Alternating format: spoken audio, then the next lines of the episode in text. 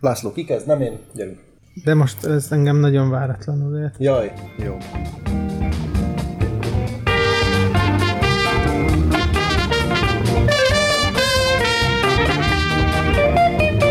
We need an agricultural revolution. Sziasztok, ez itt a Fekete Technológia, és itt van Laci. Hello! Őt nagyon váratlanul érte, hogy neki kellett volna mondani a felkonfot, de ő most, most éppen kockó, és az év első adásában vendégünk is van, Borhi András, szervusz. Üdvözöllek titeket. Azon a bulvárra rákanyarodok. no. Mielőtt bármiben is neki kezdenénk, hogy te vagy az ország legelső permetező drón pilótája, ugye? Egyetlen legális. Nem egyetlen legális, ugye majd ezt szépen felépítem az előadás során, de én voltam az első, aki listára került. Igen. Aha.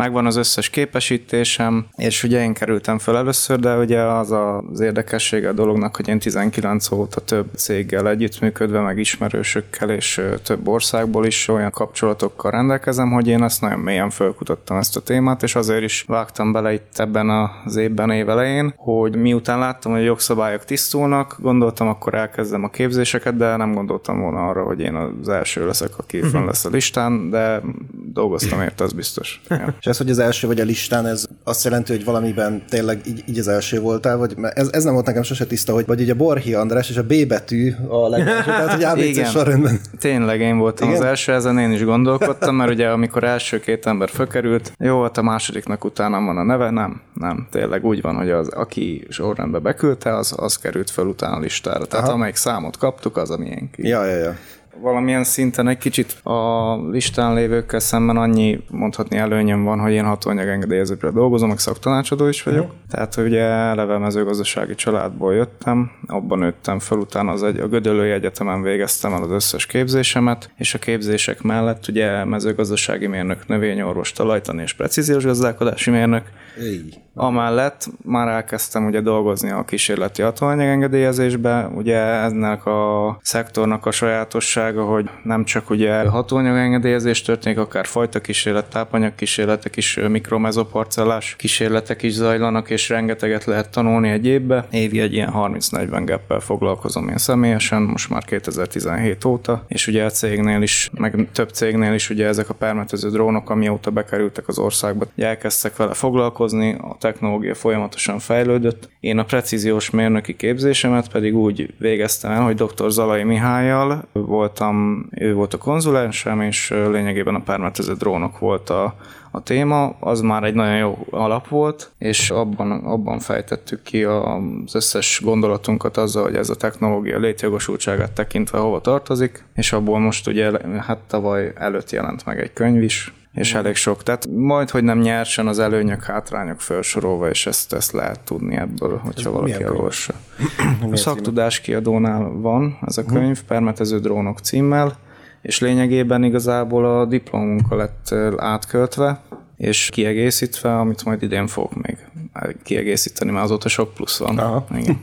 De az akkori jogszabály volt leírva benne, meg ilyen létjogosultság elemzések, hogy maga a technológia milyen körülmények között lehet jó választás, és hogy jelenleg hogy áll a mostani permetező technológiák, vagy kiuttató technológiákkal szemben. Mi, miért különbözik ez a drónos dolog annyira a bármilyen más légi kiuttatástól, mert hogy ezt, ezt sose teljesen értettem, hogy mi olyan különleges ebben a drón dologban, mert hát ugyanazt csinálom, fölviszem a levegőbe a cuccot, aztán kinyomom. Hát most ezt, ezt akár megcsináltam helikopterrel, akár repülővel, miért kell ezt ennyire körbejárni újonnan, hiszen hát ez a légi kiuttatás dolog, ezt már egyszer megfejtettük, és valójában csak az eszköz változott. És pont ez a titka. Tehát, te, te, tehát a két eszközt összehasonlítják a való életben, de teljesen eltérő. Uh-huh. Oké, okay, hogy légi növényvédelem mind a kettő, de el kell különíteni a helikopteres kiuttatást, meg a drónos kiuttatást is. Hát az egész talán onnan indul ki, hogy az EU-ban tiltják a légi növényvédelmet, ezt szerintem sok helyen hallottátok már, uh-huh. és vannak bizonyos esetek, amikor engedélyezett, ha az a termék, amit kiuttatnak, az arra a célra van kifejlesztve. A másik eset pedig az, hogyha akkora gazdasági kárral állunk szembe a jövőben, hogy más módon nem tudod megoldani. A permetező drónpilóta, vagy a permetező drón pedig teljesen más, hogy juttat ki anyagokat. Elég sok mindent lehet vele csinálni, nem csak permetezni, akár bármilyen anyagot is kijuttatni. Az erőhatások, a szerkezet, a technológia, a tudás is más, más mint a helikopterrel való összehasonlítás. Tehát teljesen más a kettő. Csak ugye ugyanúgy mind a kettő levegőből permetez, és összehasonlítjuk. Hát, hogy a fizikája is más. Tehát Teljesen. Nagy, nagyjából ugyanaz történik, hogy ott fent történik egy cseppképzés, amit aztán a, mik ezek? Nem propeller, hanem milyen forgószárny. forgószárny. forgószárny. Igen. Fontos különbség. Igen. A forgószárnyak meg nyomják lefelé a, bele az állományba. Hát ez egy helikopternél pont így van. Na, itt lesz majd elég fontos szempont ugye a keresztirányú szóráskép, valamint a, a vortex hatás. Uh-huh. Mert ugye egy helikopternél, hogyha látta helikoptert permetezni, ahogyan az, az erő lecsapja azt a 60 liter per hektárt, az egy ilyen örvényt alakít ki, ezt látod. Uh-huh. Na most a drónnál, hogyha fúvókás a drón, akkor hasonló a dolog, de nem olyan erőhatással. Sőt, hogyha má- más típusú drónnal csinálod ugyanezt, mindegyik drón egyedi. Azonos típusban ugyanaz, de méretváltásnál máshogy fog permetezni. Szélességbe és minden. És akkor még nem tartunk ott, hogy különböző forgótárcsás kivitelek is vannak, ami CDA rendszeres drón. Annak is teljesen más a keresztirányú szórásképe, mint a helikopternek vagy a hagyományos szántóföldi permetezőgépnek. De a helikopterek között is van különbség. Így van, persze. Jó, de hát azért egy helikopter volumenben egészen más, szerintem. Mondod. Igen. Hát ott hatalmas erőhatása. Úgy lecsapja a talajra ezt a lémennyiséget, és vissza is csapódik ugye a légáramlattal. Ott, ott nagyon befedi azt a területet. De szerintem az utolsó légi kijuttatós időszak, vagy hát amit egyébként légiúton használnak, ugye az repülőn van Mhm. kijuttatva ezek a szúnyogírtós témák. Hát meg az idei szükséghelyzeti engedélynél is ott Ja. volt légi növényvédelem deszikálásra. Ja, deszikásról. Aha. Azt a növényvédőkamara azt ugye meg is jelentette uh-huh. hírben. Mhm. De hogy az is akkor repülővel volt. Helikopterrel. Helikopterrel? Azt És külön meg kellett je- jelentenünk, hogy nehogy azt higgyék az emberek, hogy ez drónra vonatkozik. Mert ugye a légi növényvédelemnél mindig azt hiszik, hogy ez drónra is vonatkozik, nem. Nem, az teljesen külön, és a drón az külön van mondjuk az engedélyokiratban is. Aha. Hát itt mondjuk a- gondolom a lémennyiségek, a dózisok egészen mások, nem? Teljesen más. Teljesen más. Ugye helikopternél 50-80 literről beszélünk, drónnál ugye a kultúrától függően 15-25 liter. Van egy ilyen városi legenda, de még sose sikerült ö, sem megerősítetnem, sem megcáfoltatnom senkivel, de szerintem ez egy neked való dolog akkor. hogy én azt hallottam, hogy a légi permetezések során, a, többek között a balesetek is egyébként ö, kiváltó okai voltak annak, hogy ezt egyre inkább háttérbe szorították, és hogy a baleseteknek a 95%-a nem műszaki meghibásodás, hanem jaszkarizás miatt hogy történt meg. Hogy Nyomsz egy triple Resort Burgert, egy csavart Nem, nem, rep, inkább repcsisek ezek. Mm. Hogy akkor hi- hirtelen be, bekapcsolt benne az, a vadász ösztön, hogy régen elnyomott vadászpilóta, és akkor megpróbált átmenni a híd alatt, és vagy nem tudom ilyenek. Hát Te nem én is sok mindent hallottam, de megerősíteni és cáfolni se tudom. Hát jó. csavarodjunk rá erre a scriptünkre, uh-huh. hogy most itt beszélünk, hogy megvan a vizsgát, tök jó repülhetsz, de hogy igazából még mindig csak egyszert használhatnánk elvileg, officially, vagy a többi, ez meg gondolom kísérleti. Hát na igen, ezzel is nagyon sok tévedés van a széles körben. Hát konkrétan az egy darab növényvédőszer, ami engedélyezve van a drónra, azt lehet használni az összes engedély megléte mellett, ezen kívül a vállalkozónak vagy a cégnek kell egy műveleti engedély, megkapja a légügyi hatóságtól elfogadás után azt a jogot, hogy ő bizonyos műveleteket ellásson bizonyos területeken, és akkor lényegében a hatóságnak megküldve 30 nappal a kiuttatás előtt Ez jó hangzik. ugye egy kiuttatási tervet kell küldeni, előtte nap 9 órakor pedig ugye be kéne jelenteni, hogyha növényvédőszert juttatsz ki. Ja, igen. Ilyenek vannak. Igen, igen. Meg ugye kiuttatási tervet kell átadni, lényegében a tevékenységet csak szerződéssel és növényorvossal lehet végezni. De ez, ez, ez, most így lehet, hogy én vagyok nagyon ilyen gáncsolós kedvembe, de hogy ez nagyon nem tűnik életszerűnek ez a 30 nap. Tehát ez, ez nekem ilyen borzasztónak hangzik. Tehát, hogy érted mondjuk egy Nyilván gyümölcsben nem használják még ezt annyira, de azt se tartom kizárnak. Tehát mondjuk egy moníliás kezelést, azt én honnan tudjak 30 nappal előre. Legjobb tudomásom szerint, és az én ismeretségi körömben is, akik helikopterre végeztek légi növényvédelmet, egész évre előre leadhatják a tervet, Aha. és bizonyos esetekben el lehet térni tőle, ezt jelezni kell a hatóságnak, Aha. vagy, vagy ezt egy ilyen e-maillel be lehet jelenteni. Hát akkor gondolom rájöttek Igen. ők Tehát is, vannak ilyenek, mert ugye ez, ez egy tök életszerű dolog, amit mondasz, a helikopteres léginövényvédelmnél, és ezek fönnálltak, és vannak olyan, milyen nem tudom, hogy kibúvónak hívjam, vagy jogszabálynak, de meg lehet oldani. Mm-hmm. Hát van benne némi rugalmasság.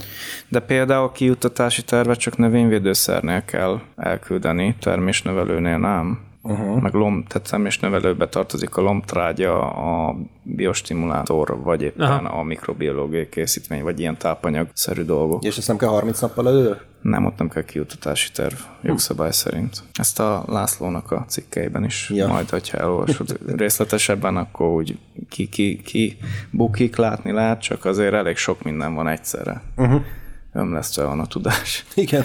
igen. Ja, igen, a, a, amiről szó van, az a Jordán Lászlónak az Objektíven a permetező drónokról című tíz részes cikk sorozata, amit mindenkinek melegen ajánlok, mert ilyen kis falatnyi cikkecskékben, de elég jól el van magyarázva a kérdés. És akkor most hány drónpilóta van erre az egy készítményre?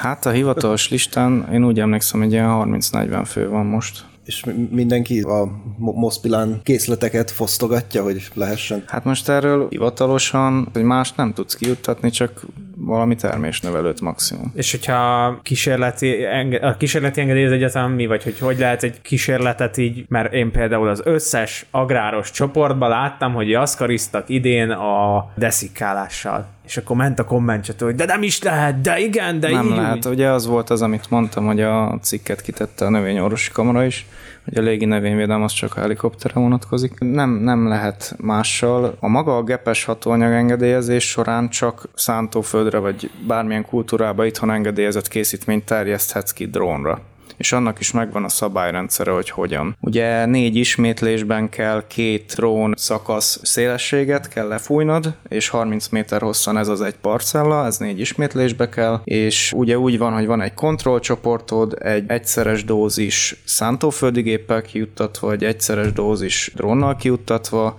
egy félszeres dózis, és itt még annyival tudod bővíteni ezeket a kritériumokat, hogyha különböző lémennyiségekkel próbálkozol, mm. mert ugye ezt is ki kell kísérletezni, akkor ezeket is belevelted a kezelésekbe, és úgy randomizálod le a területet. Aha. És akkor ezt kezeled, és akkor ebből a munkából lehet majd ugye protokollok alapján x naponta értékelni, betakarítani, és akkor az adatok alapján lehet elemezni, hogy ez egy jó technológia, vagy nem, és még ekközben a munka közben elsodródási vizsgálatot is kell Hát ez nem így nézett ki ez a poszt, amit én láttam, hogy ott a 50 hektár napra forgó egy bele volt száradva. Ja igen, ennek így tökre van értelme, amit mondasz, én ebben hát, bele sem gondoltam, hogy a, a kísérlet az kísérlet, az nem azt jelenti, hogy lefújtuk és működött, hanem ott nem, be kéne kísérlet. állítani dolgokat. Ja. Hát az nem, nem egy valós növényvédelmi kezelés arra a problémára, amit hát meg akarsz oldani. A, a gepes hatóanyag engedélyezésnél ugye szigorú kalibráció Aha. van előtte, mert ugye a permetlének a, is vannak sajátosságai, így lerepülődött területet, utána ezeket a területrészeket értékeled egész évbe, és exakt adatokból, tehát ugyanúgy, mint előtte a szántóföldi hatóanyag engedélyezésnél. Hmm. Amiket látunk ugye az agromédiumon is, vagy bármilyen engedélyokiratban, azokat előtte ilyen gepes kísérletek Aha. előzték meg. Ezt ugye kiterjesztették drónra, de lehet, hogy idén változtatnak rajta, mert nem biztos, hogy elég lesz az, hogy négy ismétlésbe ilyen távolság, ilyen szélesség, ilyen pufferzóna, ilyen növényfeletti magasság, meg milyen fúvóka típusok, meg ugye pluszban még az az elsodródás vizsgálat, mert bizonyos méterenként ki kell tenned a vízérzékeny papírokat. És egyébként milyen tendencia látható abban, hogy milyen szereket fognak engedélyeztetni, mert ugye most, hogy gyakorlatilag egy szer van, hát így mindenki nyakló nélkül, ami, amihez hozzáfér, azt próbálja meg drónnal kiuttatni, de hogy biztos van ebben valami logika, mert csomó minden van, ami perzsel, nem tudom, a glifozát például, mert ugye ezt állandóan ezzel piszkálják az unió irányából, na most, ha még ráadásul légi, vagy hát nem légi, hanem drónos kiuttatással is kijuttatható, akkor tüze agyverzést fognak kapni Brüsszelben, nem? Hát a Mospilant is egyébként birizgálják az unióba. Itt hát persze a... neonikotina. Igen, igen, igen, igen. Hát és, meg ugye és a pont ez van engedélyezve, tehát hogy uh-huh. igen. Sőt, tehát a acetamiprides csávázást a strep ugye beszüntették, de a virágzásban kiuttatható. Igen. Igazából az engedélyezések több cégnél zajlanak itt ebbe az országba és a többibe is, de nehezen nyitnak rá gyártók, mert azért ott akkor felelősséget is kell vállalni. Tehát most azzal állunk szembe, hogy az a technológia előre szaladt, termékek lennének szükségesek, minden jogszabály már, már készen van, de mintha fordítva ülne az egész a lovon. Mi, hogy a, a szergyártók a kerékkötője a dolognak? Hát azt Nem, a kerékkötői egyszerűen csak akkora tempóba halad a dolog, hogy szerintem ilyen mennyiségű munkát nem nagyon tud lekoordinálni akármelyik ország, mert ehhez tényleg ezeket a kísérleteket végig kell vinni, minimum egy év. Uh-huh. Egy készítmény több kultúrába. Le van írva ugye a nébik felületén is, hogy mik ezek a kritériumok. Tehát amit én mondtam nektek az előbb a kísérleteknél, ott például egy gabona kultúrában, egy őszi árpában, őszi buzában be kell állítani ezt a kísérletet, mind a két kísérlet adatait bekérik, és hogyha elfogadható, akkor lehet engedélyezni. Uh-huh. Tehát én azt gondolom, hogy a gyártók ebbe tök érdekeltek, hogy hát akkor izé, nyomassuk, hát Persze, csak ugye drágák ezek Aha. a kísérletek. És az a kérdés, hogy milyen a, az a nem tudom mennyiségű drónos, aki föl fogja ezt vásárolni. Uh-huh. De az a baj, hogy fekete technológia. Na, Tehát De csak a, a millió dolláros kérdést azért csak felteszem, hogy és Új. akkor a glifo, a glifo azért ugye lesz? Ez megint olyan, hogy ezt a hatóság fogja eldönteni. Viccen kívül. De egyébként pont az a vegyszer, a glifozát, meg a dikvát is, hogy azokkal tényleg látható a hatás. Tehát, uh-huh. hogyha azt mondjuk egy szélcsendes időbe kijuttatod, akkor az oda, oda kerül, ahova kell, akkor az úgy működik. Csak az a baj, hogy fú, ez a cikk sorozatban is benne van, tehát ezek a látható kijuttatások. De uh-huh. például egy gombaölő rovarölőnél nem mondod meg, hogy ezt akartam, ez hogy hogy, hogy, ez egy ezt borzasztó felvételezni mondjuk egy rovar, mondjuk egy gombaölőszeres kezelésnek a hatékonyságát, hogy ott a táblán mekkora volt a fertőzöttség, érted, és akkor utána az, hogy működött, most szántóban még az is számíthatott, talajfolton vagy-e, vagy nem. Hát ezek, ezek tök nehéz dolgok. Igen.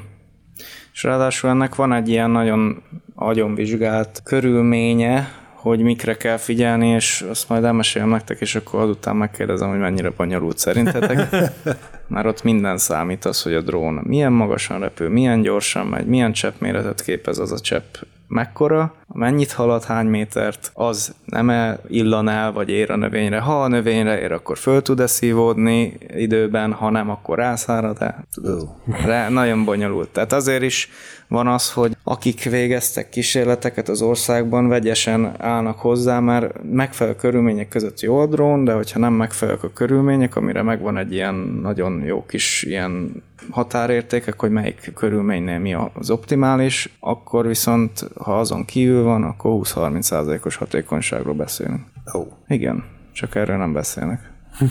Egyébként ezeket csinálják, tehát ahogy mondtad, hogy ez, tehát e- így állítanak be egy normális növényvédőszer hatóanyagot alapvetően. Ez a hatósági elvárás. Csak most ugye ez egy speciális kiuttatási mód, amire újra kell csinálni az egészet. kialakítottak a drónos hatóanyagengedélyezésre is egy ilyen szabályrendszert. Aha. Ez egy három oldalas dolog ugye a Nébik weboldalán, és az alapján meg van adva, hogy egy cég, hogyha GEP engedélyen rendelkezik, vagy a drón pilótát hívja, és annak megvan minden papírja, akkor ezt a vizsgálatot hogy kell beállítani. Aha. És az alapján lehet csak hivatalos eljárásban engedélyezni egy készítményt kiterjeszteni drónra. Ez a fekete technológia része ennek az egésznek, ez így hát olyan szinten közszájon forog. Mindig szoktam csodálkozni például a repzenékben, hogy az összes rapper ugye azzal van elfoglalva, hogy izé árulja a drogot, meg futtatja a k***át, Igen. és erről csinálja zenét, és hogy nem áll mindegyik mellett egy rendőr.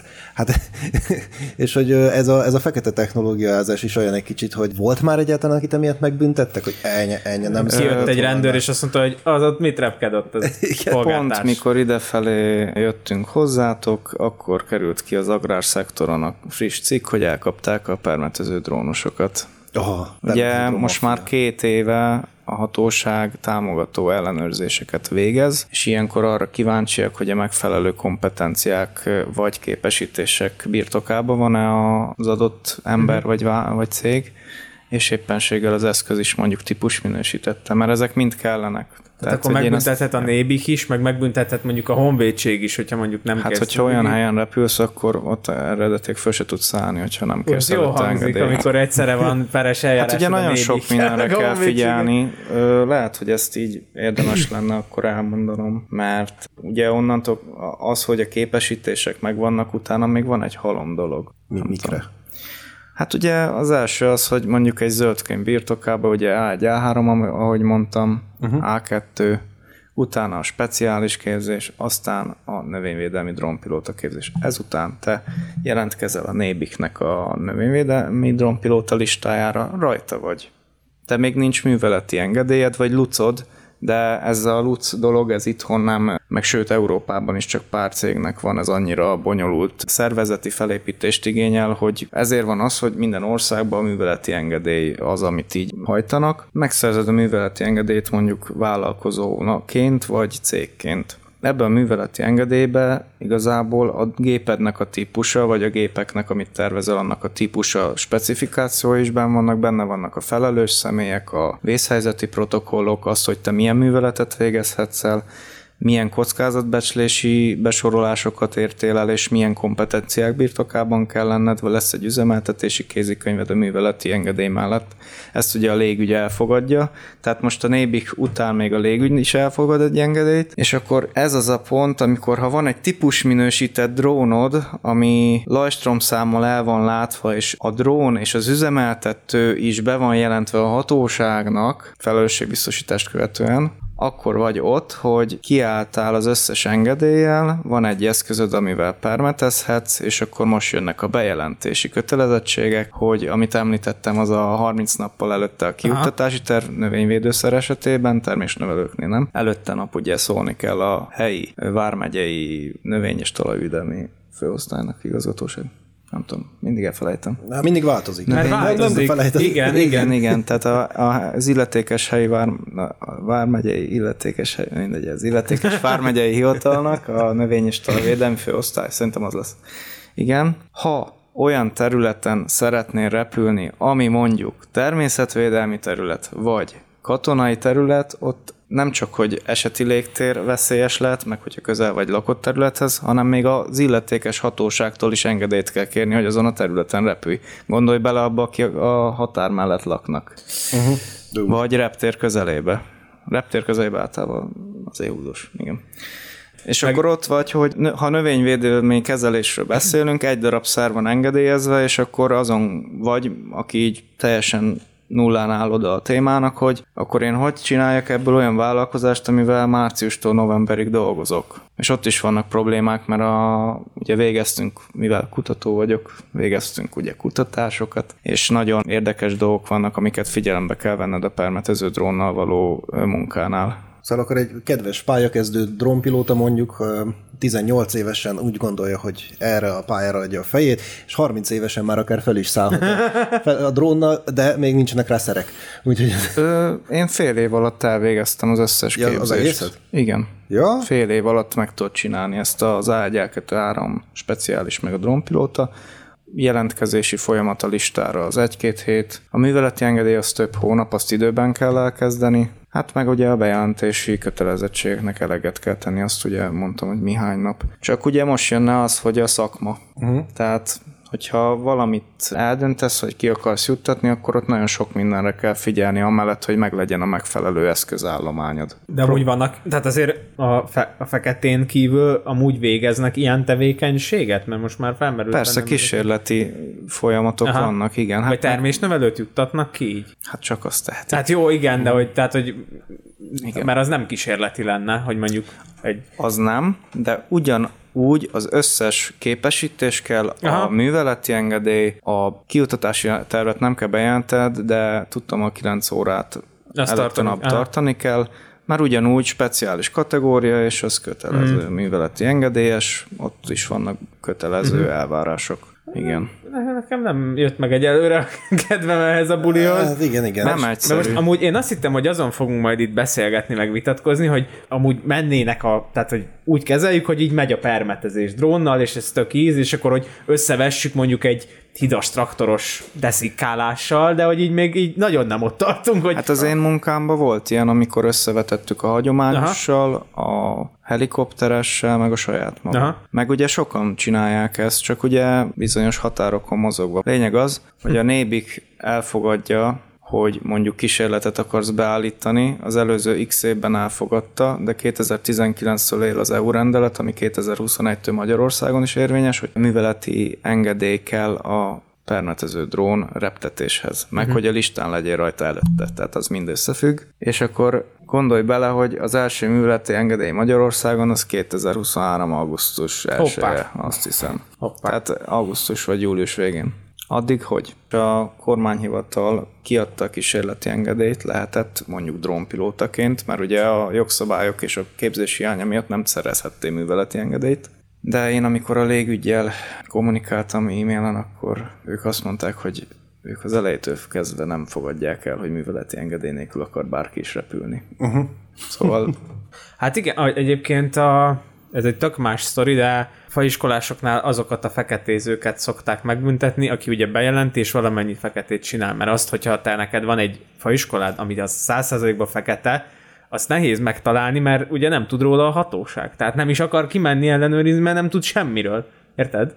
De Tehát, hogy faiskola az akkora, hogy tudsz csinálni feketén? Hát, vagy kicsit tudsz csinálni úgy, vagy tehát ahhoz gondolj bele, hogy valakinek Szemet kell, hogy szúrjon, hogy miért vannak ott a fák, aki nem civil, vagy följelent egy másik gazdálkodó, vagy éppen arra jár egy nébikes ellenőr, vagy kormányhivatalos ellenőr, és azt mondja, hogy nézd, nem is emlékszem, hogy ezt itt ellenőriztük volna, ezt a faiskolát. Tehát Jó, mondjuk egy 160 hektáros szántót tényleg nehezebb elrejteni, de ez... igen. Ne, de most a permetezésről beszélek, mondjuk érted, hogy nem szólsz, csak hopp, nem, már le is szálltam. hogyha dióban, megyben és cseresznyében akarsz moszpilant csalétek anyaggal kijuttatni, ahol nem is számít, hogy tökéletes Aha. legyen a fedés, csak a felső lombkorona a bizonyos részére Aha. Helyezd el, mert oda megy majd a kártevő, és úgy pusztul el. Tehát ott nem is kell tökéletes fedésnek Aha. lennie. És a, viszont az összes többi dolog, amire akarják, akarják alkalmazni, ott a fedés is fontos, a lémennyiség Aha. is, meg minden. Tehát nagyon-nagyon sok mindenre lehet használni, és hihetetlen szaktudás kell szerintem hozzá. A helikopteres légi növényvédelemhez is rettenetes nagy tudás kell, a drónoshoz is, csak ez most, most alakul ki. Tehát ugye elkezdődött az első hatóanyag elfogadása, annak megvannak a kritériumai.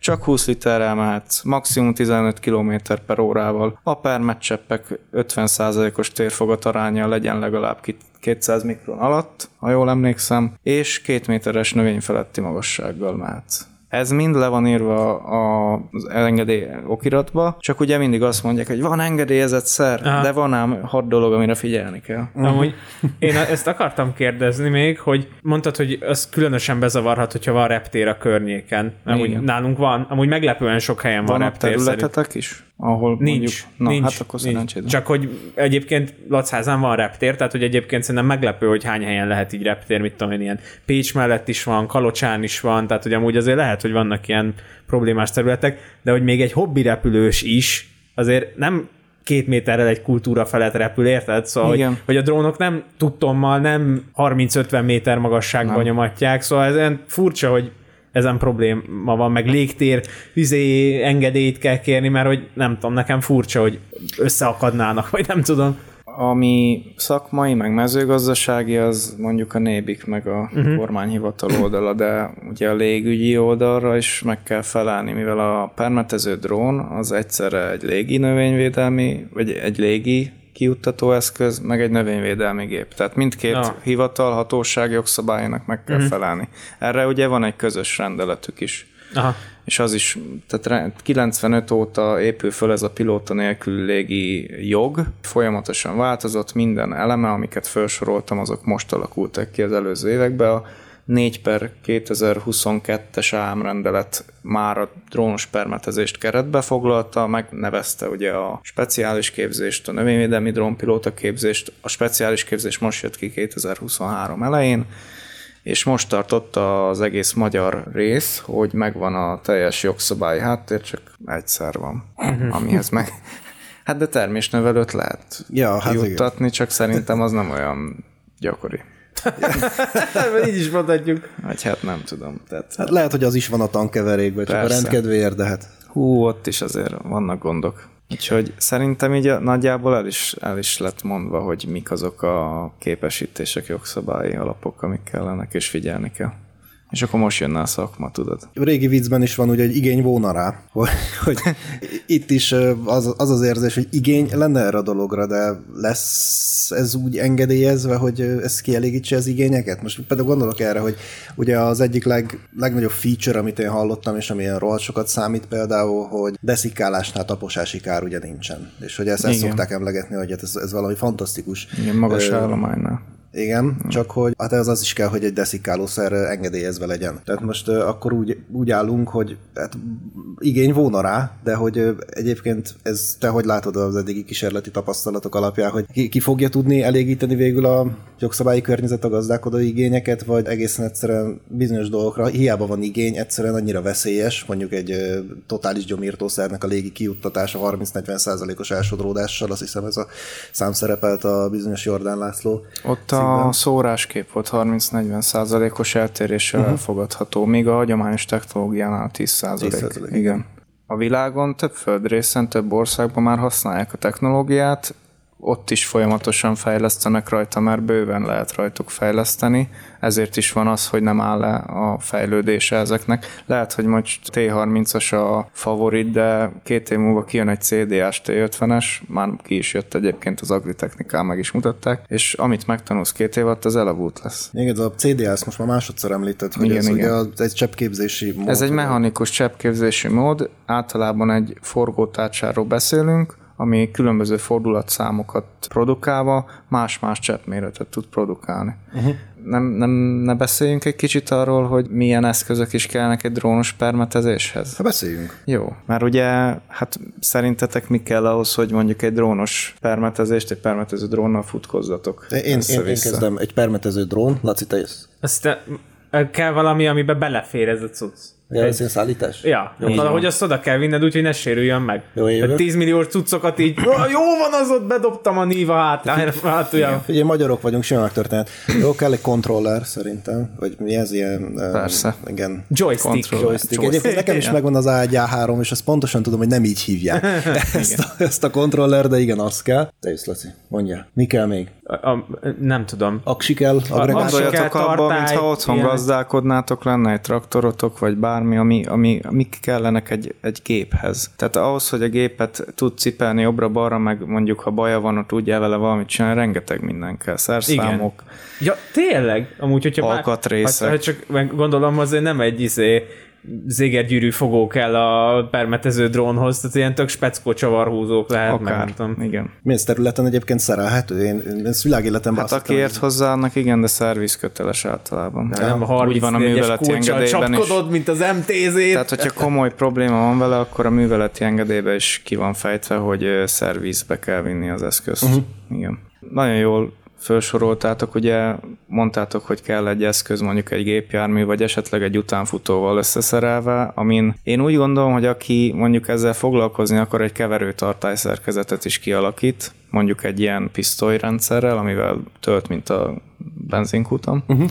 és ezáltal egy kicsit tudja csökkenteni annak a veszélyt, hogy a növényvédőszerrel úgy, ahogy nem nem érintkezik, de akkor is kell védőfelszerelés. Tehát védőfelszerelések is kellenek, mert egy 20-30-szoros koncentrációról beszélünk, ha majd be lesz keverve az az anyag. És hogyha precíziós gazdálkodást űzöl permetező drónnal, akkor ott egy monitoring drón is kell, egy Bika laptop, amely olyan térinformatikai szoftverekkel vannak ellátva, amelyekkel le tudod ezt a területet határolni, és utána betáplálni a drónba, vagy akár bármelyik mezőgazdasági gépbe, és ezt meg fogja csinálni neked, Amely amit szoftver gondolom, megint csak nem két fillér. nem, két fillér. Na, ez a laptop se hangzik két fillérnek, ami ezt elbírja. Nem, nem, igen. Úgyhogy nagyjából ezek azok az alapok, hogy, hogy ugye még a képzések papírokon kívül még ezek is kellenek ahhoz, hogy tudjál valamit csinálni. Még jó, hogy nincsen szer hozzá, úgyhogy emiatt nem kell aggódni. Hát ez egy jelen pillanatban akár egy drága hobbi tulajdonképpen. Amúgy ez úgy hangzik, mint egy drága Hát igen, hobbi. drága hobbi. Olyan, mint a, mint a nekünk a két hektár kajszi. Szép, meg jó, Igen, azt mondtad nem is. terem, csak úgy van. Igen. És akkor ott állsz, hogy ugye most jövünk el oda, hogy permetezünk növényvédelem drónnal. Ugye a nem tudom mennyire tudjátok, hogy mik azok az optimális időjárási körülmények, amikor egy permetező drónnal lehet dolgozni. Ú, ez, ez volt a milyen szél mellett lehet egyáltalán felszállni, és valami nem volt túl nagy szél. Tehát Hát ilyen- a, A hagyományossal egyentetően a 3 méter per szekundum. De azt is hallottam, hogy az ilyen, már a 3 méter per szekundum is olyan, hogy egy olyan elsodoródást csinál, mint a húzat. Tehát, hogy így Igen. elvileg felszállhatsz vele, csak a cuccodnak a fele az nem oda fog menni, ahol szeretted volna. Hát hozzáértően ezeket lehet csökkenteni, ezeket a veszélyeket, meg attól függ, milyen drónod van, mm, megvannak az optimális időszakok, és tényleg, hogyha szél van, akkor nem javasolt. Uh-huh. Igen. Egyébként ezek az időjárási körülmények a szélsebesség, és amiről nem beszélnek, azok a széllökések, uh-huh. a páratartalom, meg a hőmérséklet. Ezek, ezek a legfontosabbak, és ezeknek a, a, az egyvelegéből, meg az ilyen, tudjátok, hogyha kivetítik ezeket az ábrákat, és csináltok egy ilyen metszetet köztük, akkor mindegyik máskor limitálja az alkalmas órák számát a permetezésre. Ez alapján évente olyan 100-120 nap van évjárattól függően, amikor alkalmas a permetező drón használatra. Mm.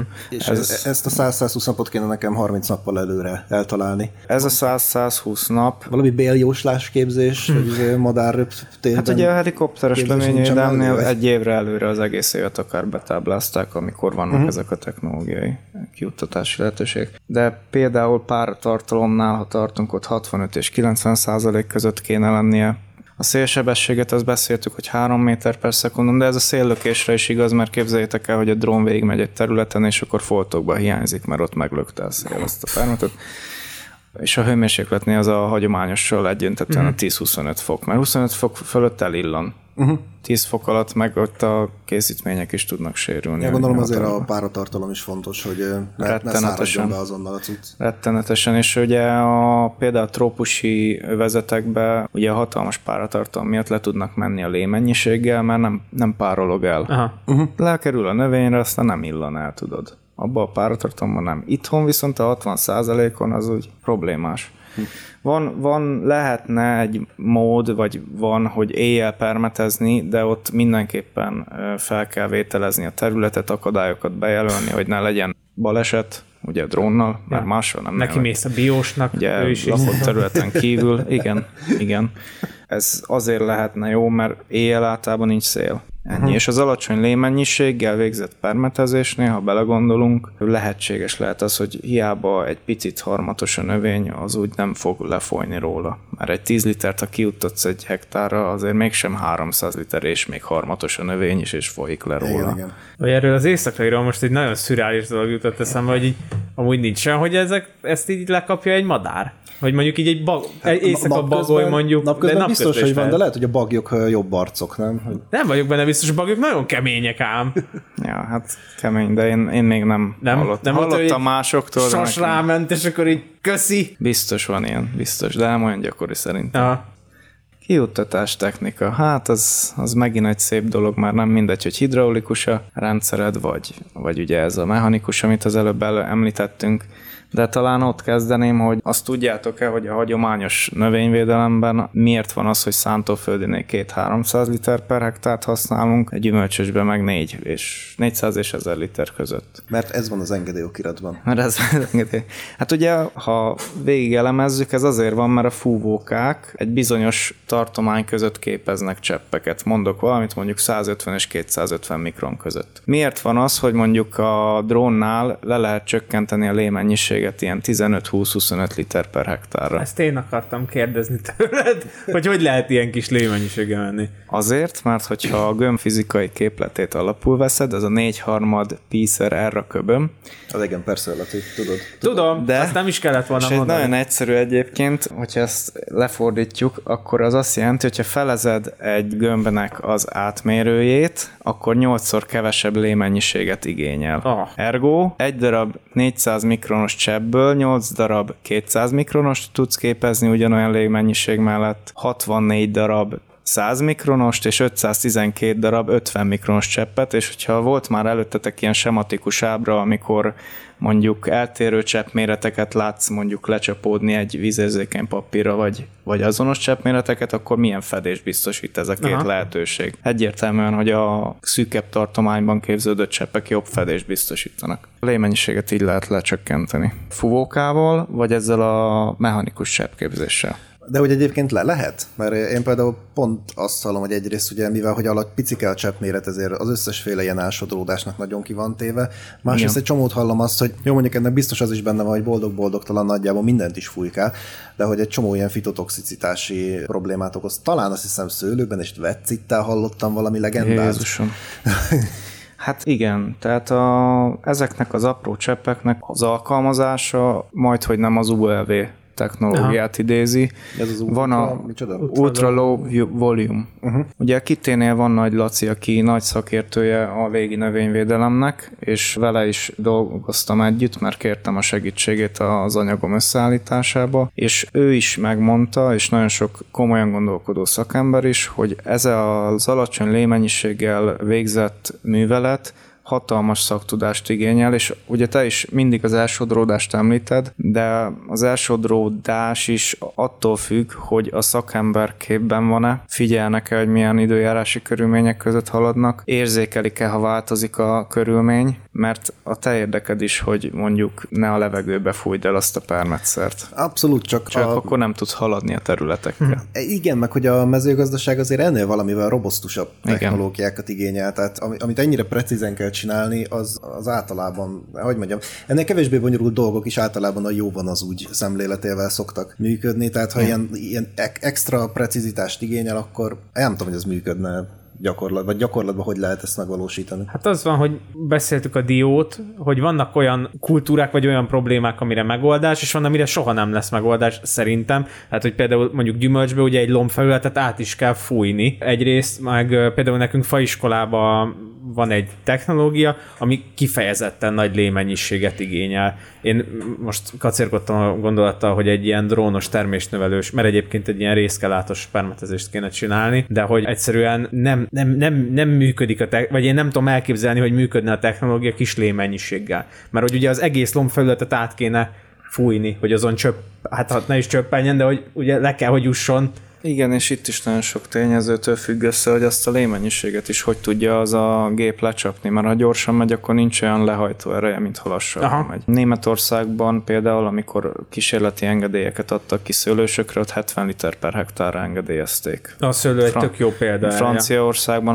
30%-os meredekségű területeken is ezekkel a nagy lémennyiségekkel dolgoztak. 70 liter. 70 liter per hektár. És akkor már ott tartasz, hogy a hektár teljesítményed óránként lecsökken. Hát igen, ez, ezen De ott ugye a nehéz. gyümölcsösnél más is a tarifa Aha. szerintem. Egy ilyen legbetonabb tartályok is ilyen 50 liter körüliek, nem? Tehát egy, egy hektárt nem tudsz lefújni a 70 liter per hektár dózissal, nem?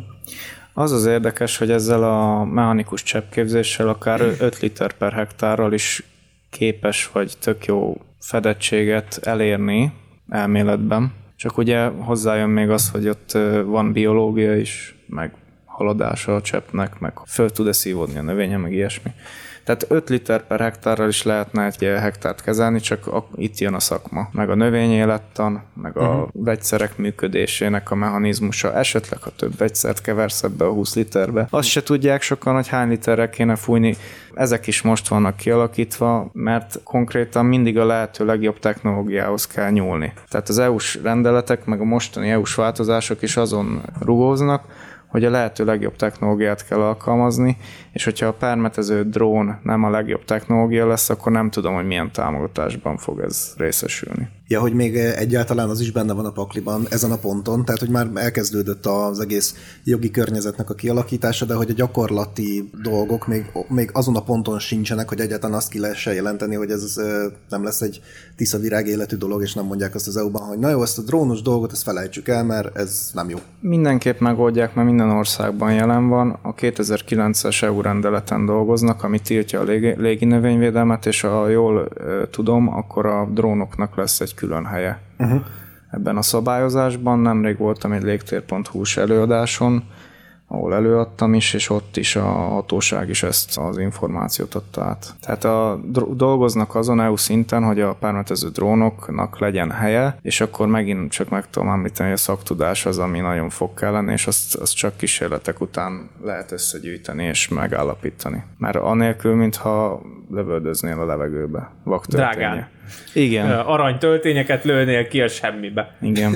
Úgyhogy a lémennyiséggel kezdtük, de ugye itt azért van olyan része, amit folytattunk, hogy most hidraulikus a cseppképzés, vagy mechanikus, és utána jönnek ezek a finomságok, hogy milyen magasan repülsz a drónnal, mert más a szórásképe, ezért van az az első engedélyezett szernés, hogy két méter magasan tud megfelelő fedettséget biztosítani azon a részen. Tehát meg lesz állapítva az is, hogy melyik repülési magasságon tudsz, milyen lémennyiséggel, milyen sebességgel, ahogy az előbb beszéltük, jó hatékonyságot vagy kiválót elérni. És Tehát a, de ez, ez nem függ mondjuk nagyon durván kultúrától, hogy, meg hogy mondjuk mit, mikor juttatsz ki, szóval hogy mondjuk értitek egy preemergens gyomírtást csinálsz búzába, vagy mondjuk egy napra forgót deszikálsz majd, ha egyszer lehet, érted, hogy mondjuk az egy tök, tök más a, Hát vagy a kultúrához nézik a magasságot, ez Én, én azt szoktam mondani, én is ugye bérmunkás családból jövök, sok gépet kezeltem, hogyha me- megtanulod egy gépnek a működési mechanizmusát, és ismered a körülményeket, amiben dolgozol, eredetileg szélcsendben, ha tudod, hogy a drón milyen szélesen tud permetezni, és a szélén lévő ezek a kis visszacsarodó cseppek is hogy fednek, akkor meg tudod állapítani azt a fogásszélességet, amivel adott magasságon tudsz dolgozni, és akkor nem fogsz fitotoxot alakítani dupla dózissal, hanem a mellette levő fogás is úgy fog fedni, vagy egy kicsit rámenni arra a részre, hogy nem, nem lesz de hát ez egy ilyen izé,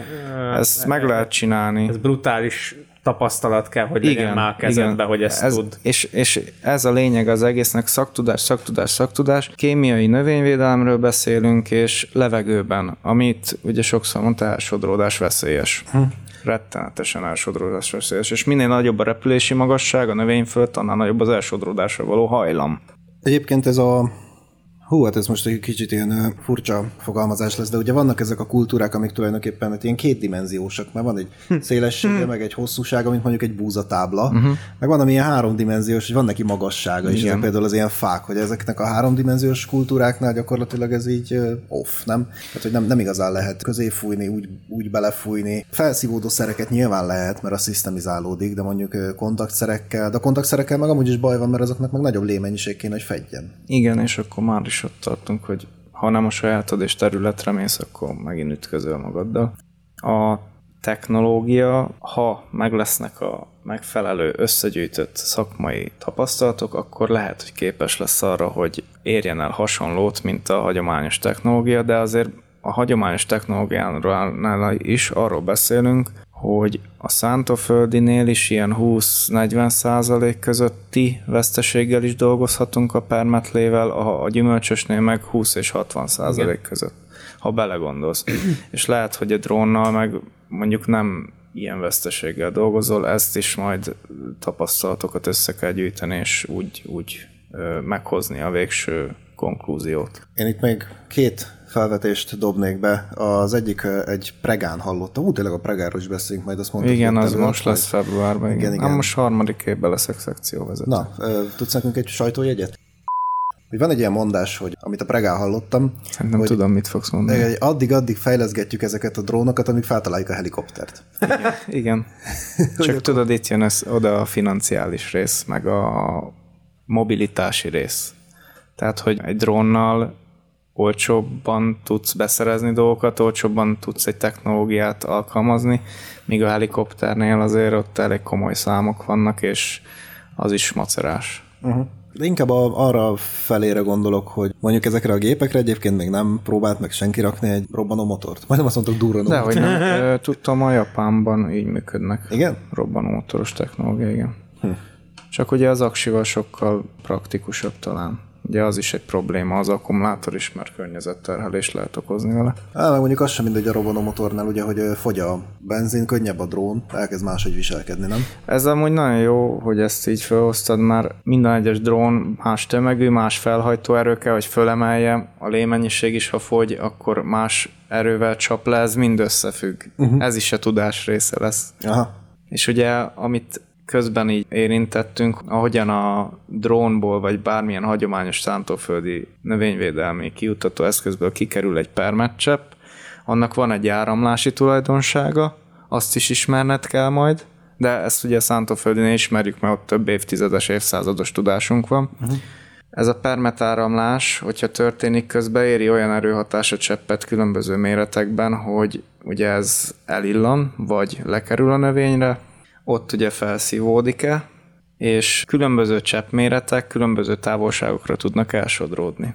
Ó, És van még egy jobb is, ugye az majd a permetlé résznél lesz, mert a permetlé is egy külön, mindegyik megér egy külön fejezetet. Tehát, hogyha ezeket mind tudod, meg így tudatába vagy, akkor ott vagy, hogy a permetlébe, amit bekeversz, vagy amiket, azok tudnak esetleg a permetlének ilyen tulajdonságot adni, és a cseppek akár tudnak lebegni. Azt is meg kell tanulni, és ezekről is kell a tapasztalat. ja, hogy így nem tudom, milyen ködszerűen beáll Akár, akár, akár. Ilyen, ez, ez a veszély is fennáll, vannak nem hivatalos infóim, és ez is fontos tényező lesz. Ezen felül azért nem 300 literbe, hanem 15-20 literbe kevered be, ott máshogy fognak veszekedni egymással a készítmények, ami akár a hatékonyságot is csökkentheti, uh-huh. tehát fontos lesz akár a víz pH-jának, vagy a keménységének a beállítása. Sőt, még mondjuk most, hogy belegondolok, egy illóolajos kezelés esetén mondjuk, ugye amint kikerül a tartályból és cseppé válik, hát a cseppnek a tulajdonsága a levegőben fog változni, hiszen az illóolaj az illik. Igen. Tehát ami kijött és ami megérkezik, az már valami tök más lesz. És abba is gondolj bele, hogy például a permetező drónban nincsen keverőegység. Tehát te azt bekeverten beletöltöd, és ha mondjuk repül, akkor ott az aljára le tud rakódni akár a vegyszer közben. Uh-huh. A tartálynak az aljára. Nagyon sok mindennel kell, nem is tudom, hogy tisztában lenni, figyelni kell sok mindenre. Uh-huh. És képzeld el, nagyon sok, az a baj, hogy tényleg sok. Tehát ez, ezt így szoktuk is tárgyalni, hogy amikor meg permetezel, a károsító függvényében, vagy a célod függvényében vannak optimális cseppméretek. Igen. Például szálló rovarnál mondjuk olyan 80-100 mikronig. A növényen károsító rovarnál mehet egy ilyen 100-150 mikronig, ez irodalmi és különböző országok tapasztalatai. Ugyanúgy 100-150 mikronig fungicid esetén, mert ugye ott is el kell találni nagyjából a növényeket. Hiába valami szisztémikus, az általában lokál szisztémikus, tehát nem az egész növényen uh-huh. halad keresztül az a hatóanyag. És a gyom, mivel az a legnagyobb méretű, ott nagyobb cseppel is dolgozhatsz. Uh-huh. Tehát ezek is még a légmennyiséget is befolyásolhatják, meg a célodat. Tehát, hogy Hát akkor még vihetsz magaddal a terepre gondolom egy fúvóka készletet is, vagy azért ez egy permet fú- gépnek a, nem tudom, a nyomással ez azért szabályozható gondolom. Hát ugye a fúvókák esetében a különböző fúvókákkal lehet ezeket a méreteket befolyásolni, ha meg mechanikus a cseppképzés, akkor ott egy gomnyomás. De hogyha mondjuk nagyobb nyomáson engedem ki a Akkor jobban porlaszt. Akkor jobban porlaszt. Mm, hát úgy, mint a hagyományosnál, igen. Igen, igen. Hú, azt nem is mondtam, hogy ha a permetlé sűrűsödik, akkor újra kell kalibrálni az egész egységet, mert akkor nem teszi ki a 8 liter per hektár. Mert gondoljatok bele, hogy ha minél sűrűbb egy permetlé, ugye nő a koncentrációja, meg a viszkozitása. Igen. Tehát egy adott csövön, vagy fúvókán, vagy szerkezeten nehezebben megy át. És hogyha beállítod a drónodat, az alapbeállítása volt mondjuk 10 liter per hektár, de egy sűrű készítmény, vagy a lémennyiséget teszel bele, izé. akkor nem tudja kitolni, hanem mondjuk a 10 literért csak hetet tesz ki, és akkor már is már is rezisztencia, meg, meg kezelési hatékonyság hiány. Nagyon sok mindenre kell figyelni. Ez is egy olyan, ugyanolyan gép, mint a traktor. Igen, csak abban mondjuk a lémennyiség azért nagyjából standardizálja a viszkozitást, tehát ez egy olyan, Igen. olyan, olyan vizes. Ott, ott nincs ilyen probléma, kivéve hagyom pakolod 6-7 féle cuccat. Igen. Ez is, tehát itt, itt az a vicces, tök jó, mert ugye vannak jogszabályok, aztán jön a gépészeti oldala, ahhoz is érteni kell, és akkor jön a növényvédelmi szakmai oldal, ami a miénk, és ezeket össze kell gyúrni. Hát ugye, aki a mezőgazdaságban dolgozik, az elég sok minden ezért. Interdisziplináris. Hát nem Ja, tudom, azért nekem most így hirtelen nem jött meg az étvágyam ehhez, hogy belevágjak, de biztos. Na ettől félek én is, mert ugye nagyon jó vagyok a gyártókkal is. Most az idejében voltam nemzetközi konferencián, a DJI elhívott Pestre, és előadtam 24 ország előtt. A végére lenyakaltam, mert hmm. egy óra angol után már így kiüresedett a fejem, és egyszerűen látom, hogy mekkora marketing van mögötte, meg támogató környezet, csak amikor már ezek a részek kerülnek elő, akkor már húzzák a szájukat. Uh-huh. Tudod? Mert ha arról tudnak az emberek, akkor már is nem olyan a kedv, akkor már is nem olyan a vételi szándék. Hát igen, de mondjuk a felelős tájékoztatásnak azért talán ez is része.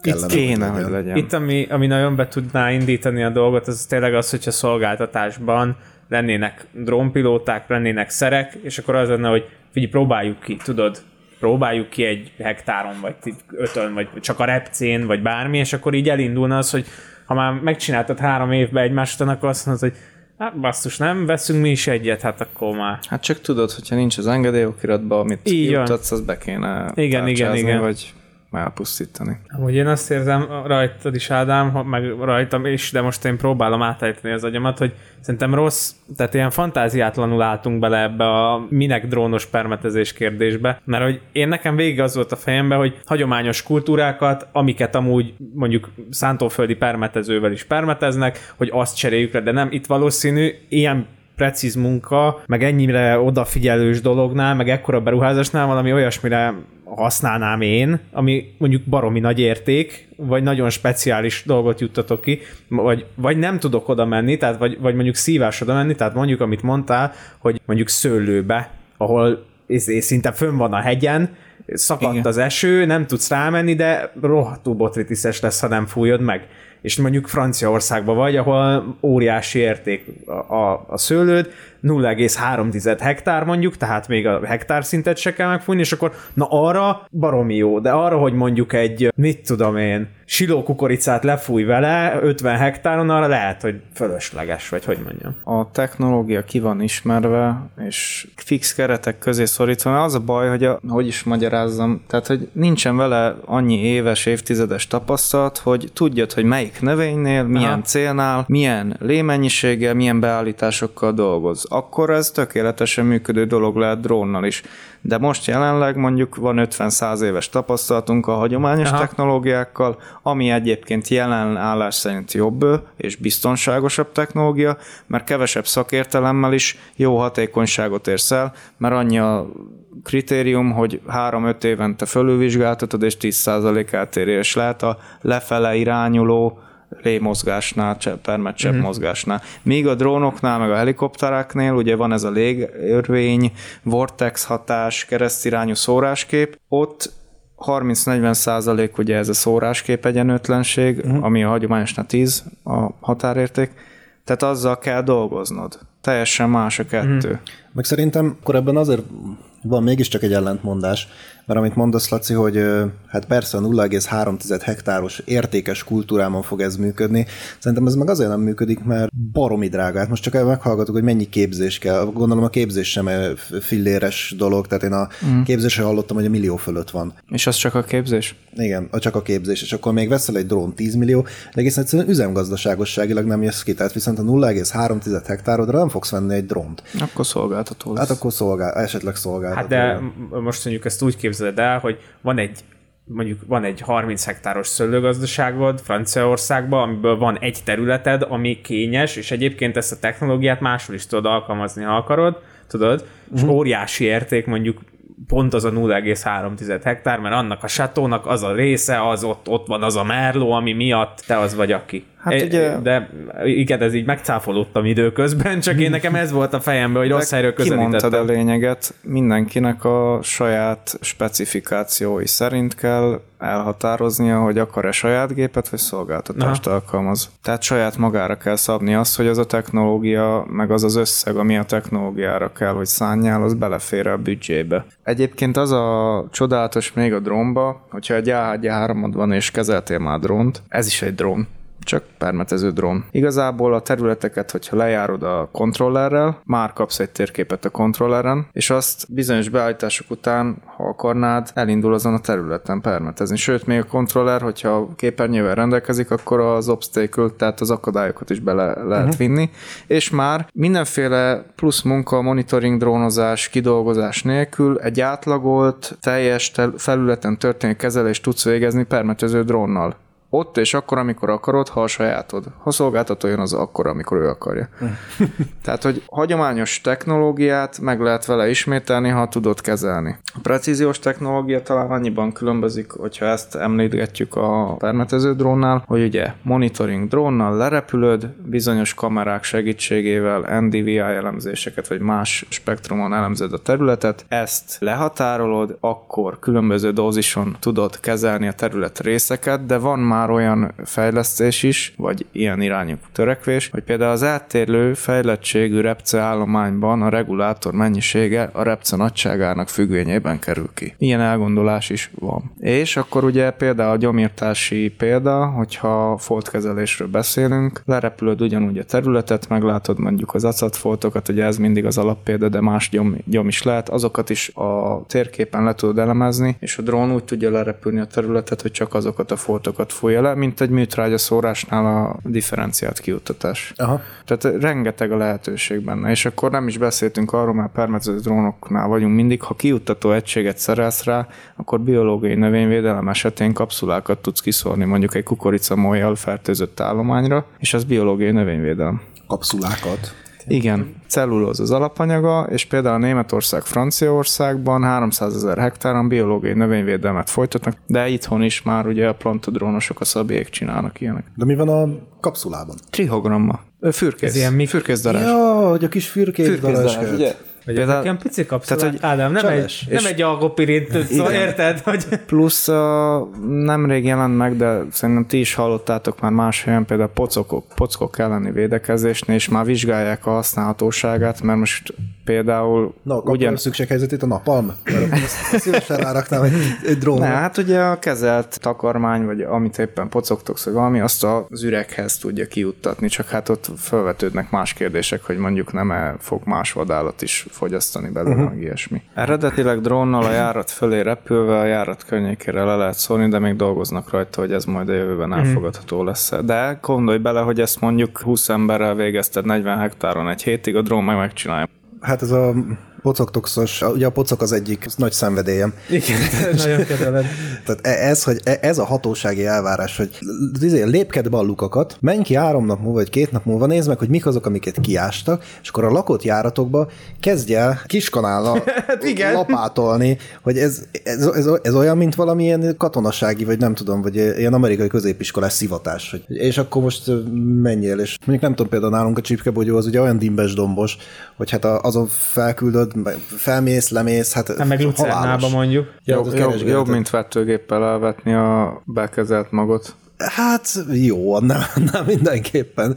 De nekem egyébként az a sejtésem, hogy annyira irreálisan nehéz kivitelezni ezt a pocoktox dolgot, hogy szerintem pont ezért nem is nagyon csinálják. Tehát, hogy a hibák azok abból erődnek, mert hogy ezt nem tudom megcsinálni. És akkor kitalálnak valami egyszerűbb módszert, és akkor a műtrágya szóróval kiszórják. És akkor... Én is azt hallottam. Én is hallottam. Az Meg én már vetőgépet, kultivátoros megoldást is hallottam, de hát Behúzzák a talajba? aha. Wow. Egy jó fekete technológia. Na, ez az, Na, ez, ez, az. ezért hoztuk létre. Igen. Szürke, fekete, minden, ez is, ez is olyan. Na most ugye itt beszéltük, hogy elsodródás, meg eltérő szóráskép egyenletesség, vagy nem Mhm. tudom, hogy nevezzem ezt, ami azt jelenti, hogy bármi, ami kezelek drónnal, ott hát nem nagyon lesz valójában standard az, hogy mennyi került ki. Valamelyikre ennyi került, valamelyikre annyi került, valamire több, valamire kevesebb. Az élelmiszerbiztonsági szempontból például mennyire problémás? Mm, Jó, hogy összevontad a kettőt, de ugye itt is az elején, hogy a szaktudással nagyon jó fedettséget lehet elérni, főleg ha olyan a kiutató egységed. Az élelmiszerbiztonságot én, én azért gondolom, hogy jó beszélni róla, mert senki nem beszél róla. Mert pont, hogy a túldozírozással és a szermaradék esélye növekedik, vagy éppen az aluldozírozással, akkor lényegében rezisztenciát indukálunk, uh-huh. amivel hosszú távon vagy középtávon szivatjuk meg magunkat. Minél kevesebb a hatóanyag, de egyre jobbak lesznek a károsítóknak a- az életképességei. Mondod, hogy hát itt a szaktudás igazából az, ami kell mögé, de azért az agráriumban úgy van bénázás. Tehát Igen. azt mondani, hogy ez, ah, hát csak a szaktudás kell hozzá, hát az, a- az a legnehezebb. Hát Így van. Az, hogy az ember hülye biztossá tudjon tenni folyamatokat, hogy tényleg bárki meg tudja csinálni, mert a bárki fogja csinálni. Igen. Valószínűleg az azért nem olyan egyszerű. Hát meg én most voltam hétvégén egy volt csoporttársam barátomnál, mindegy, és ott az a lényeg, hogy egy olyan, egy nagy szántóföldi gazdaság, egy ilyen 500-600 hektáros gazdaságban voltunk, és álltak sorba a trakik, és egyen volt azt hiszem RTK rendszer, és kérdeztem a srácot, hogy, hogy, hogy vagy mi a helyzet. És mondta, hogy baromi jók a traktorosaik, ő nem akar ebbe belekezdeni, a traktorosok se akarnak belekezdeni, és hogy van egy ilyen hozzáállás is, tehát hogy, uh-huh. hogy, hogy én azt hittem, hogy minden áron ez a precíziós dolog a jövő, és közben meg amikor ahogy itt simán találkozol, és egyébként én még ennyire tényleg a légy korcsolyázott, meg mondták, hogy mondta, hogy ez a szerelőüzem, azt mondtam, hogy nekem nagyobb kupi van a konyhámban, vagy, tehát ilyen, ilyen brutális rend volt, meg nagyon precízek voltak, de a precíziós gazdálkodásra amúgy nem szeretnének átállni. Hát, hogy nem, nem feltétlen minden gazdaságban ez a jövő. Mert megvan az a szint, amikor érdemes ráállni, de az a baj, hogy tényleg ahhoz is a tudás kell. Én ismerek egyébként olyan gazdát nálunk Vas megyébe, aki ilyen hajlítható rudas zászlókat tesz ki a területére, mérőszalaggal bejárja, és a traktorosa úgy megy műtrágyaszóróval, hogy azokat be, belövi. Hm? Precíziós gazdálkodás. Nagyon Abszolút. kemény. 300 hektáron. Hát igen, mert mondjuk a precíziót mindig valahogy a digitalizációhoz kötjük, de úgy tűnik, hogy van analóg precízió is most már. Én, én egyébként még amikor így jártam, vagy hát most is járok folyamatosan előadni, meg ilyesmi, a precíziós gazdálkodás az egy tök jó dolog, de én úgy hívnám a régi úttörőit ennek, hogy jó gazdálkodó, vagy gondos gazda. Uh-huh. Tehát szerintem a precíziós gazdálkodás az igazából egy alapos hozzáállással végzett munkafolyamat, ami több lépcsőből áll. És az, hogy most technológiákat alkalmazunk, hogy ezeket mondjuk helyettesítsük. Hát régen igen. is végül is ezt csináltuk. Igen, így van. Képzeld Mindig el, ott van, és kész. Valaha még az volt a precízió, hogy izé, hú, a Józsi már bordói lét használ. Igen. Hallom? Igen, igen. Igen, vagy nem fúj naptár szerint, tudod, hogy 25-en van menni kell. Igen, igen. Ja, hát miért nem fújtál? Mit csinál az előrejelzés, úristen? Igen. Na, de élelmiszerbiztonságnál is egyébként ez tök jó, hogy mondod a rezisztenciát, mert ez valahol ugyanannak a lónak a két oldala, hogy ugye a túl, se, túl kevés a cucc, akkor a kártevőinket, meg kórokozóinkat pimpeljük fel, ha meg túl sok, akkor meg lehet, hogy ezt megenni nem lesz olyan jó. Hát megenni nem lesz olyan jó, vagy terméskiesés, ugye sok minden van. Meg hát ugye a környezetterhelés. Ja, tényleg. De az élelmiszer, Ja, élelmiszerbiztonságnál tényleg szerintem az a legfontosabb dolog, hogy ezek, ez a technológia, ha nincs megfelelően alkalmazva, akkor ott bizony szermaradékos termést fogunk produkálni, nem biztos, hogy követnünk kell más országok példáit. Igen. Egyébként bátor az a gazdálkodó összességében, aki most ilyenekkel próbálkozik, mert például nekünk a meggyet, azt, meg a cseresznyét is, ugye sokszor gyakorlatilag százszerzékben Németországba kerül ki így vagy úgy, és azt bevizsgálják, sőt, nekem uh-huh. volt olyan sztori, érés gyorsítót találtak olyan cseresznyén befőttben, ami polcon volt már Németországban üzletláncba, és leszed, leszedették az egészet, tehát hogy vissza, kész, csá, nem kell. Úgyhogy már a feldolgozott termékben találtak érésgyorsítót, ami nem volt megfelelő. Talán arról meg nem beszéltünk, hogy vannak olyan időjárási anomáliák, amikor lebegnek a cseppek, uh-huh. valahogy érintettük, de az egyik ilyen az az inverzió, amikor a, általában, hogyha emelkedik a magasságod, akkor csökken a hőmérséklet egy levegő közegbe, följebb mész az atmoszférába, ott is általában csökken a hőmérséklet. Uh-huh. Van egy olyan jelenség, hogy inverzió, ott az van melegebb időjárásban, hogy a hőmérséklet a magasság emelkedésével nem csökken, hanem nő, ergo a kiuttatott permetcseppek vagy levitáló permetcseppek lebegnek, és onnantól kezdve gyenyhe szélökéssel megy, amerre lát, akár mm. több kilométer távolságra is. Ja, mert ott a- Elsodródás. Igen. Gondolom a hideg légrétegen gyakorlatilag, mint egy párna így megül, mert ugye az a Akár, nehezebb, és akár. akkor így, Igen. így el van rajta.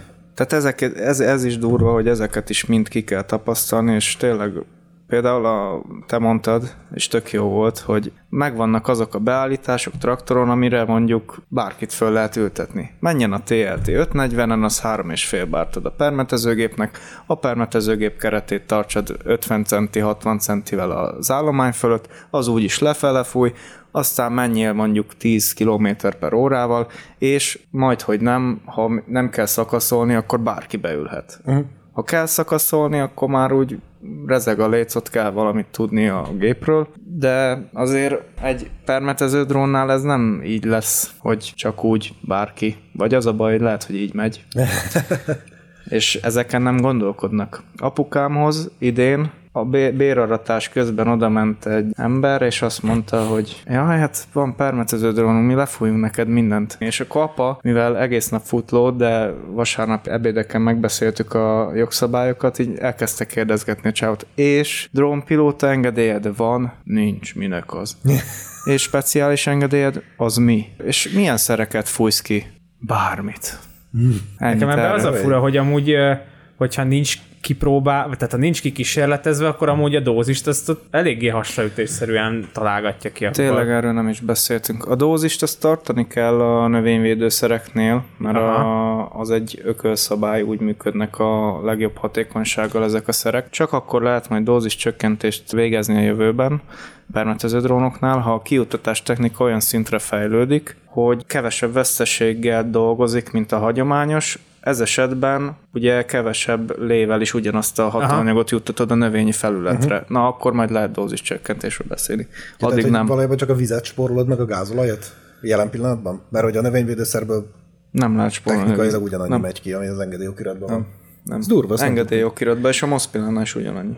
Már Állandóan erről beszélnek, hogy a 80 százalékos... Igen, az, az pont az előzőekben beszélt precíziós technológiáknál, mert 80%-a kevesebb növényvédőszer, igen, foltkezelésnél, mert a terület 20%-át fújtad le. Nem lehet csökkenteni. Az rezisztencia. Meg uh-huh. hát ugye tudjuk, hogy bizonyos vegyszereknek van alsó meg felső dózisa, mondjuk 0,6-0,8, most lefújod a területet 0,2-vel, hát nem működik. Uh-huh.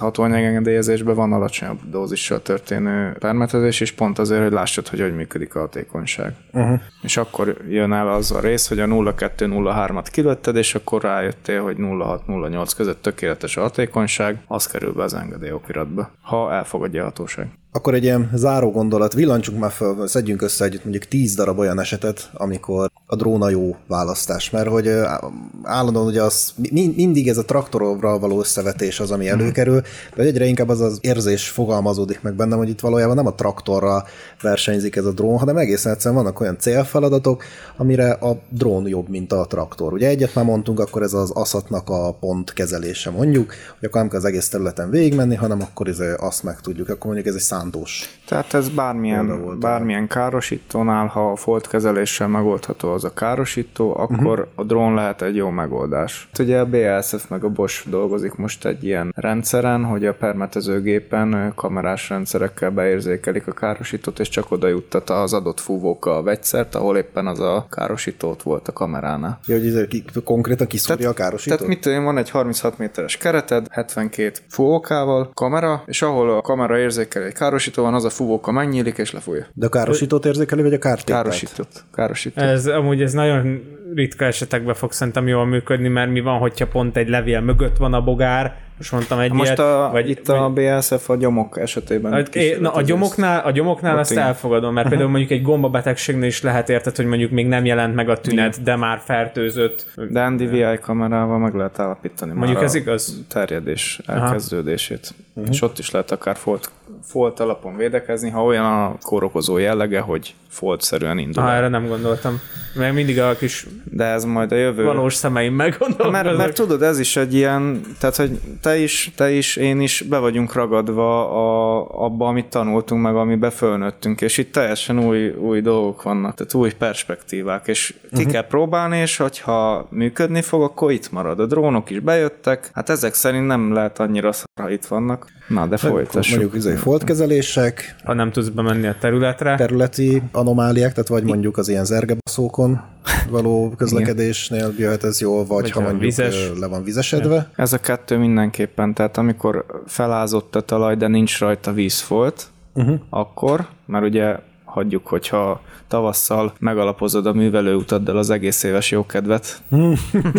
Igen. Igen. Akkor ugye foltkezelés variáció egy témára, de hogy a, amikor a, egy olyan növényi részt akarsz lefújni, aminek fölé kell repülni, tehát mondjuk ugye ez a dió és cseresznyelégy probléma, hogy ugye a lombnak a tetejét Igen. fújod meg, de csak azt, tehát mondjuk egy nehezen elérhető növényi felületet akarsz lefújni. Azt hagyományos technológiával nem nagyon tudod. Hát mi lehet még, ahova ezeket be tudjuk? Hát a 10 az egy jó nagy szám. igen, a volt. 10 ez egy nagy szám volt. Én is azt néztem, hogy Igen. bátor ember vagy Na te. jó, akkor, semmi gond még egyet találjuk, akkor legyen öt. Az kerek, félig. Ha jobb lesz a, tehát biztos szakmai tudás és ilyen táblázat alapján majd mit, mikor, hogy mikor lehet csinálni, akkor lehet, hogy egy kisebb területi gazdálkodó vagy, és csak egy drónra futja, akkor lehet, hogy megéri. Nálunk főiskolában van egy pont, amitől már ez nem működne, viszont van egy pont, ami eddig nagyon jó hangzik a drón, megmondom őszintén. Nekünk ez egy másfél hektáros kultúra. Uh-huh. Tehát az, az, az, az szerintem az, a, a drónnak is kedvező, nagyértékű kultúra, és, és hát az azért nyilván kényelmesebben lerepüli, mint én ott rettegek, hogy rámegyek a sorra, vagy nem, meg stb. Igen. Egyébként most így, ahogy beszélgettünk, eszembe ötlött egy olyan, ami nem nagyon lett kiemelve, az erdészet. Uh-huh. Tehát az erdészetben hatalmas munkaerő probléma van, rengeteg a terület, több tízezer hektár egy-egy erdészet birtokában, uh-huh és ott bizonyos dolgokra a drón egy nagyon jó megoldás lehetne. Tehát területeket Igen, előkészíteni. De itt a, inkább a telepítésekre célzok. Ja. Mm. Tehát ott rettenetes munkaerőhiány van, nem tudják megoldani mondjuk a gyommentes első pár évet a csemetéknél. Uh-huh. És a drónnal, hogyha lenne engedélyezett készítmény, akkor lehet, hogy... Ez azért jó hangzik. Drónnal végül is telepíteni is lehetne, nem? Tehát mondjuk olyan erodált területre, amire nehéz fölmenni. Ez a... megint egy jó, amit mondtál, mert egyébként takarónövényeket vetnek vele. Igen? A világ különböző pontjain, igen. Hm. Tehát, hogyha egy kiutató egységed van, akkor mit tudom én, így le tudod szórni a területre. Na mondjuk ez, na ez, ez egy érdekes, tehát hogy amikor nem növényvédőszert használok, hanem valamit, ami robosztusabb, tehát hogy nincsen annyira elsodródás, mint a trihogamma kapszulák, Igen meg a, meg a vetőmag, ja, akkor minek küldje rá az ember egy dízelzabálósz? Hát vagy az embereket bele az állományba. Például a, képzeljétek el, a gyümölcsösöknél bizonyos igen, eszközöket igen. a légtértelítésnél, vagy bizonyos kiuttatható dolgokat le lehet szórni drónnal is bizonyos ja, pontokat. feromon. Akár, akár feromon, hát igen. Aha. És képzelj, ezeket is. És, és emlékszem, tavaly pont volt egy kísérletünk, 8 hektárt kellett azokkal a feromonkkal lejárnunk négyünknek, hát egy fél nap volt. Jó. És úgy, hogy nem tudom, négy fánként, de lehet, hogy drónnal leszorva jobb lenne. De ez is attól függ, hogy milyen állomány meg a, a technológia alkalmazható-e. Igen, igen, igen. Hát ja, csak szerintem ez az út. De gondoljatok bele, hogy a precíziós gazdálkodási pályázatokba lehetett venni permetező drónt. Uh-huh. Az milyen jó ötlet volt. Uh-huh. És akkor ott van egy gép, amit nem, érted, vettél egy luxusautót, amiben nem ülhetsz be. Vagyis hát beülhetsz, csak nem, nem mehetsz vele. Nem mehetnél. Igen. Tényleg ez egy kicsit elhamarkodottnak tűnik. Hát, és azóta ezek a permetező drónok zé, ott porosodnak. Kicsomagolatlanul. Játszik vele petiket, tudod? Igen. Hát nem fújunk vele csak langyos vizet. igen, igen.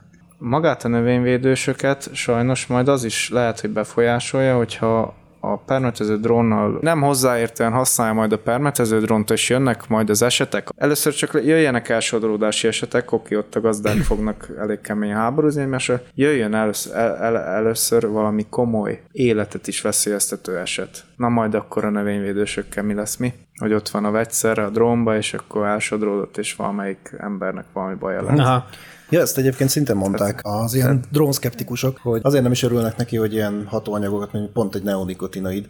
Így amit az EU támad. Igen, igen, hát engedélyezik drónon, mert hogy na majd izé, akkor a drónpilóták jó alaposan elbasszák, és emiatt fognak kivonni hát, szereket. Figyelj majd, tehát ez, ez a Conteónak a konkrét meg, tehát ez, ez chemtrail, érted? Ez ja, konkrétan igen, chemtrail.